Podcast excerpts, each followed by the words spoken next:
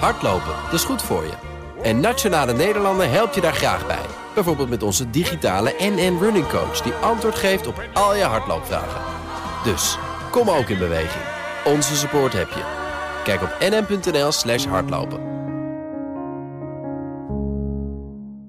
Hallo, Mark hier van Studio Den Haag. Met in elk geval voor deze podcast de laatste dag van het reces. Officieel is het morgen en maandag trouwens ook nog reces natuurlijk. Maar morgen is er weer gewoon een lange podcast. En vanaf maandag hoor je ook weer gewoon de dagelijkse politieke gesprekken met Sophie en Leendert. Maar vandaag kijken we nog heel even een keertje buiten onze bubbel. Met een gesprek over politiek, maar wel in een bijzondere versie. De geopolitiek. The Daily Move. Nina van den Dungen en Kees Dorrestein. De Duitse bondskanselier Scholz die bezoekt morgen het Witte Huis voor een ontmoeting met de Amerikaanse president Biden. Belangrijkste onderwerp van gesprek: Oekraïne en de opties voor verdere steun aan dat land. Ook wordt er concreet gesproken over mogelijkheden voor een einde aan die oorlog. En daarna staat ook nog China hoog op de agenda. Ik ga erover praten met Ton Nijhuis, de directeur van het Duitsland Instituut. Welkom. Goedemiddag. En op afstand onze correspondent in Washington, Jan Posma. Jan, goedemiddag. Ja, goedemiddag Nina. Uh, Ton Nijhuis, om met u te beginnen. Een jaar oorlog in Oekraïne. Wat heeft dat gedaan voor de relatie specifiek tussen Duitsland en Amerika? Uh, nou, een jaar geleden heeft uh, Scholz over die Zeitenwende gesproken. We leven in een nieuwe wereld. Uh, dat heeft voor de Duitse politiek heel veel consequenties gehad. Ze hebben een 100 miljard vrijgemaakt om in defensie te investeren. En ze hebben beloofd die 2% aan te gaan houden voor de defensie. En in relatie tot de Verenigde Staten is de verhouding tot Berlijn en Washington beter geworden. In het begin was, uh, was Washington erg geïrriteerd dat ja? Berlijn altijd vasthield aan die, zeg maar, die Nord Stream 2. Uh -huh. Heel erg twijfelachtig was of, uh, of ze Oekraïne wel steun moesten verlenen. Maar na die reden van Scholz is dat toch uh, ernstig veranderd. Ja, is dat echt door die reden of hebben zij onderling ook gewoon een beetje de banden aangehaald? Natuurlijk hebben ze de banden aangehaald. En er is in de tussentijd is er ook wel enige uh, nou, irritatie geweest. Want Duitsland heeft wel heel veel beloofd in de loop van de tijd. Maar men vond altijd dat ze dan uiteindelijk dan toch te terughoudend waren. Maar voor de Verenigde Staten is het belangrijk om Duitsland als aanspreekpartner in Europa te hebben. Mm -hmm. En dat is het meer dan Frankrijk uh, op het moment. En voor Duitsland is het heel belangrijk dat de Verenigde Staten erbij blijven. Ja. Dus ze hebben elkaar nodig. En uh, in die zin is, uh, is de relatie tussen Scholz en uh, Biden zeer goed eigenlijk. Ja, ja. Jan, hoe verklaar jij dat vooral Biden dan eigenlijk Duitsland als, als de belangrijkste aanspreekpunt wil in Europa en dan bijvoorbeeld niet in Frankrijk? Nou, ik denk dat Biden ook kijkt naar wat Scholz verder nog allemaal aan het doen is. Uh, die ziet ook dat Scholz uh, zijn mond opentrekt als het bijvoorbeeld over China gaat. Dat als Amerika zegt van nou, China gaat geen wapens leveren aan Rusland. Dat Scholz dan ook uh, dat steunt en dat ook zegt. En dat, hij dat, dat hij daar heel duidelijk in is. En hoe Scholz ook over de hele wereld reist om ja, die boodschap te verkondigen. En, en dat ze heel duidelijk op één lijn zitten ja. met de VS. En ik denk Bidens belangrijkste doel natuurlijk op dit moment is om die internationale coalitie bij elkaar te houden. En uh, hij ziet dat Duitsland daar ook een steentje aan bijdraagt. Dat, uh, dat is voor hem heel belangrijk. Ja, oké. Okay, dus dat is vooral voor Biden vanmorgen de inzet. Ton Nijhuis, wat wil Duitsland daar specifiek gaan doen? Ja, um, Scholz heeft eigenlijk gevraagd om een, een een vier-ogen gesprek. Dus ze zijn met z'n tweeën. Het is ook voor de eerste keer volgens mij dat Scholz uh, in het vliegtuig stapt zonder dat er journalisten bij zijn. Er is niemand na... mag mee. Komt niemand er geen persconferentie na afloop? Er komt ook geen persconferentie na afloop. Dus dat uh, betekent dat, uh, dat ze wel echt fundamenteel willen praten. En, vrij nou, uit ook. En vrij uit. Ja. Nou, waar gaat het over natuurlijk? Um, A, wapenleveranties. Wat doen we wel, wat kunnen we niet? Waar zijn de rode lijnen? Um, tweede is, ja, op een gegeven moment moet die oorlog stoppen. Uh, en moeten de vredesonderhandelingen komen. Wat is eigenlijk een, een goed moment en, en wat zijn de uitgangspunten voor een, een vrede? Wie gaat dat faciliteren? Hoe gaan ja. we dat doen? En het derde is een, een, een vredesonderhandeling zonder, uh, als het ware, veiligheidsgaranties van het Westen voor de Oekraïne.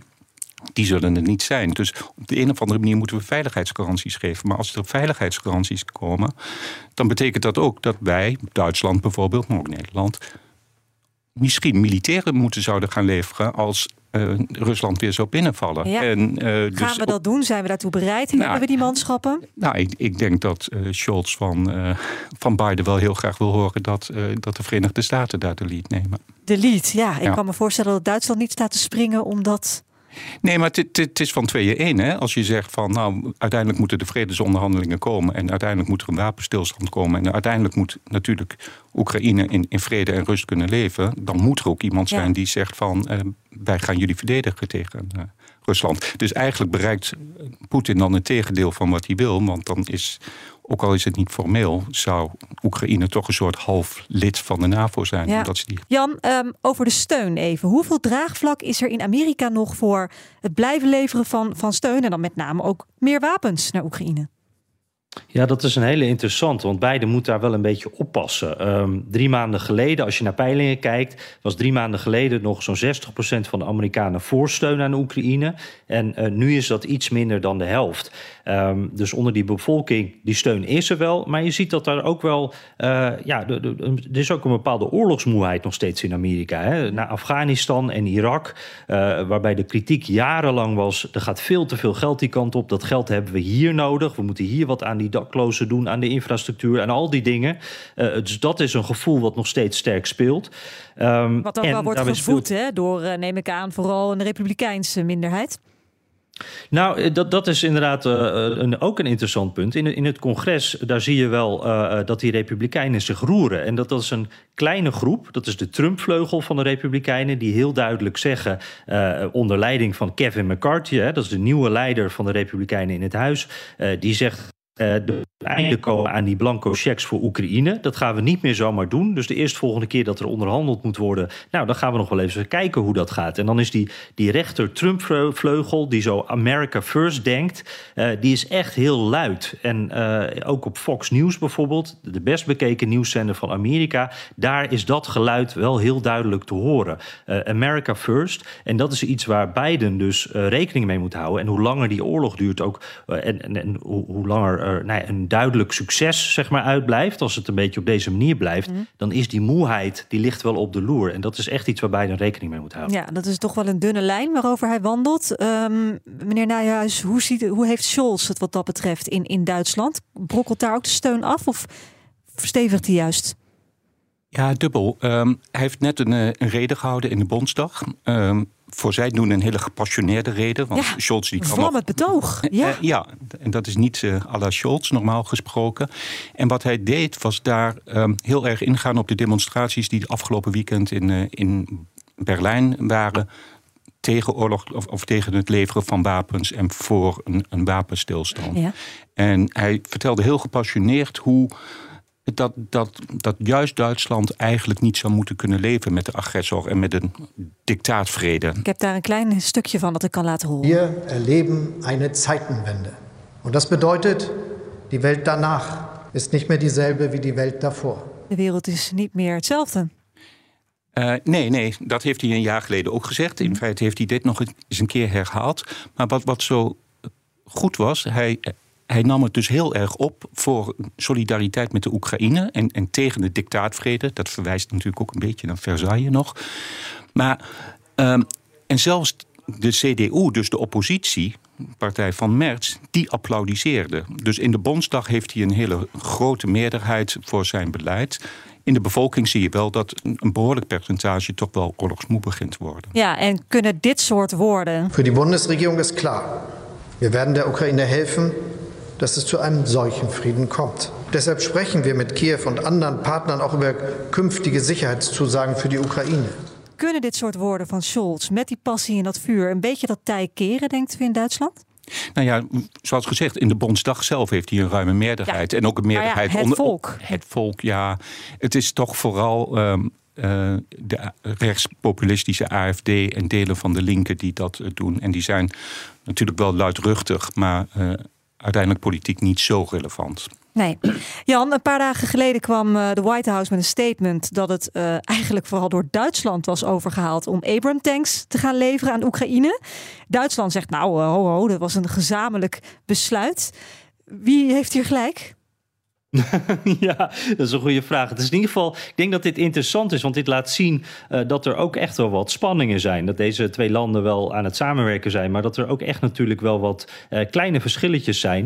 Uh, we weten ook wel, Biden en, en, de Amerikanen, die willen natuurlijk eigenlijk dat Europa wat meer doet. Biden denkt daarbij ook zelf aan zijn eigen verkiezingen. Hè? Die denkt van, ik moet dit ook aan de Amerikaanse burger, aan de Amerikaanse kiezer verkopen. En dat gaat een stuk beter als ik kan laten zien dat Europa ook echt echt zijn best doet. En ja, daar zit wel een, een, een bepaalde spanning in met die tanks. Want uh, de, de Nationaal Veiligheidsadviseur van het Witte Huis, Jake Sullivan, die zei dus: ja, uh, Biden die had eigenlijk oorspronkelijk uh, besloten om geen Abrams tanks te leveren. Want ja, wij waren ervan overtuigd dat die eigenlijk helemaal niet zo praktisch zijn om daar te zijn. Nee. die Duitse tanks, die Le Leopolds, die zijn wel handig.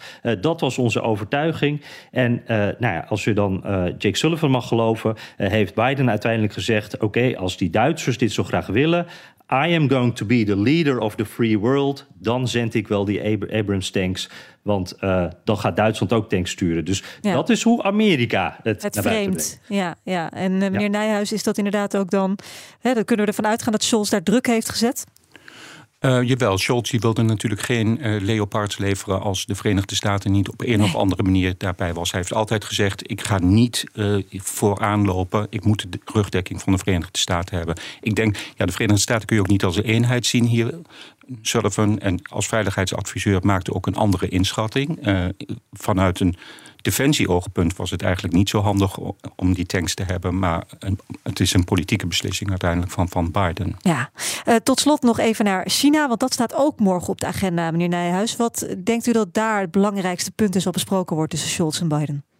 Nou ja, Biden is, eh, is eigenlijk heel voorzichtig nu bezig om, om te sonderen of uh, er een sanctiepakket kan worden gesmeed als uh, China wapens gaat leveren. Mm. Nou, aan Rusland. Aan Rusland. En ja, daarvoor wil hij natuurlijk vooral ook, ook de Duitse steun. En, Weer gezamenlijk optrekken. Ja, en, en Duitsland heeft al gezegd, of ook China gewaarschuwd dat ze geen wapens mogen gaan leveren. Maar morgen moet natuurlijk uh, Scholz wel zeggen wat, eh, tot wat hij bereid is. Want ja. die Chinese exportmarkt is voor de Duitse economie wel bijzonder belangrijk. Nou, heel belangrijk. Hè? Dat is ook een speerpunt van Scholz in zijn verkiezingsprogramma. Dat ze goed gaan leveren aan China. Auto-industrie. Uh, ja, de auto-industrie zit geloof ik nou met 25% van, van de productie in China. Dat, ja. dat is gigantisch veel. Maar ook Duitsland beseft natuurlijk wel dat het, uh, dat het moet gaan diversificeren. Daarom was Scholz ook nou in, in India.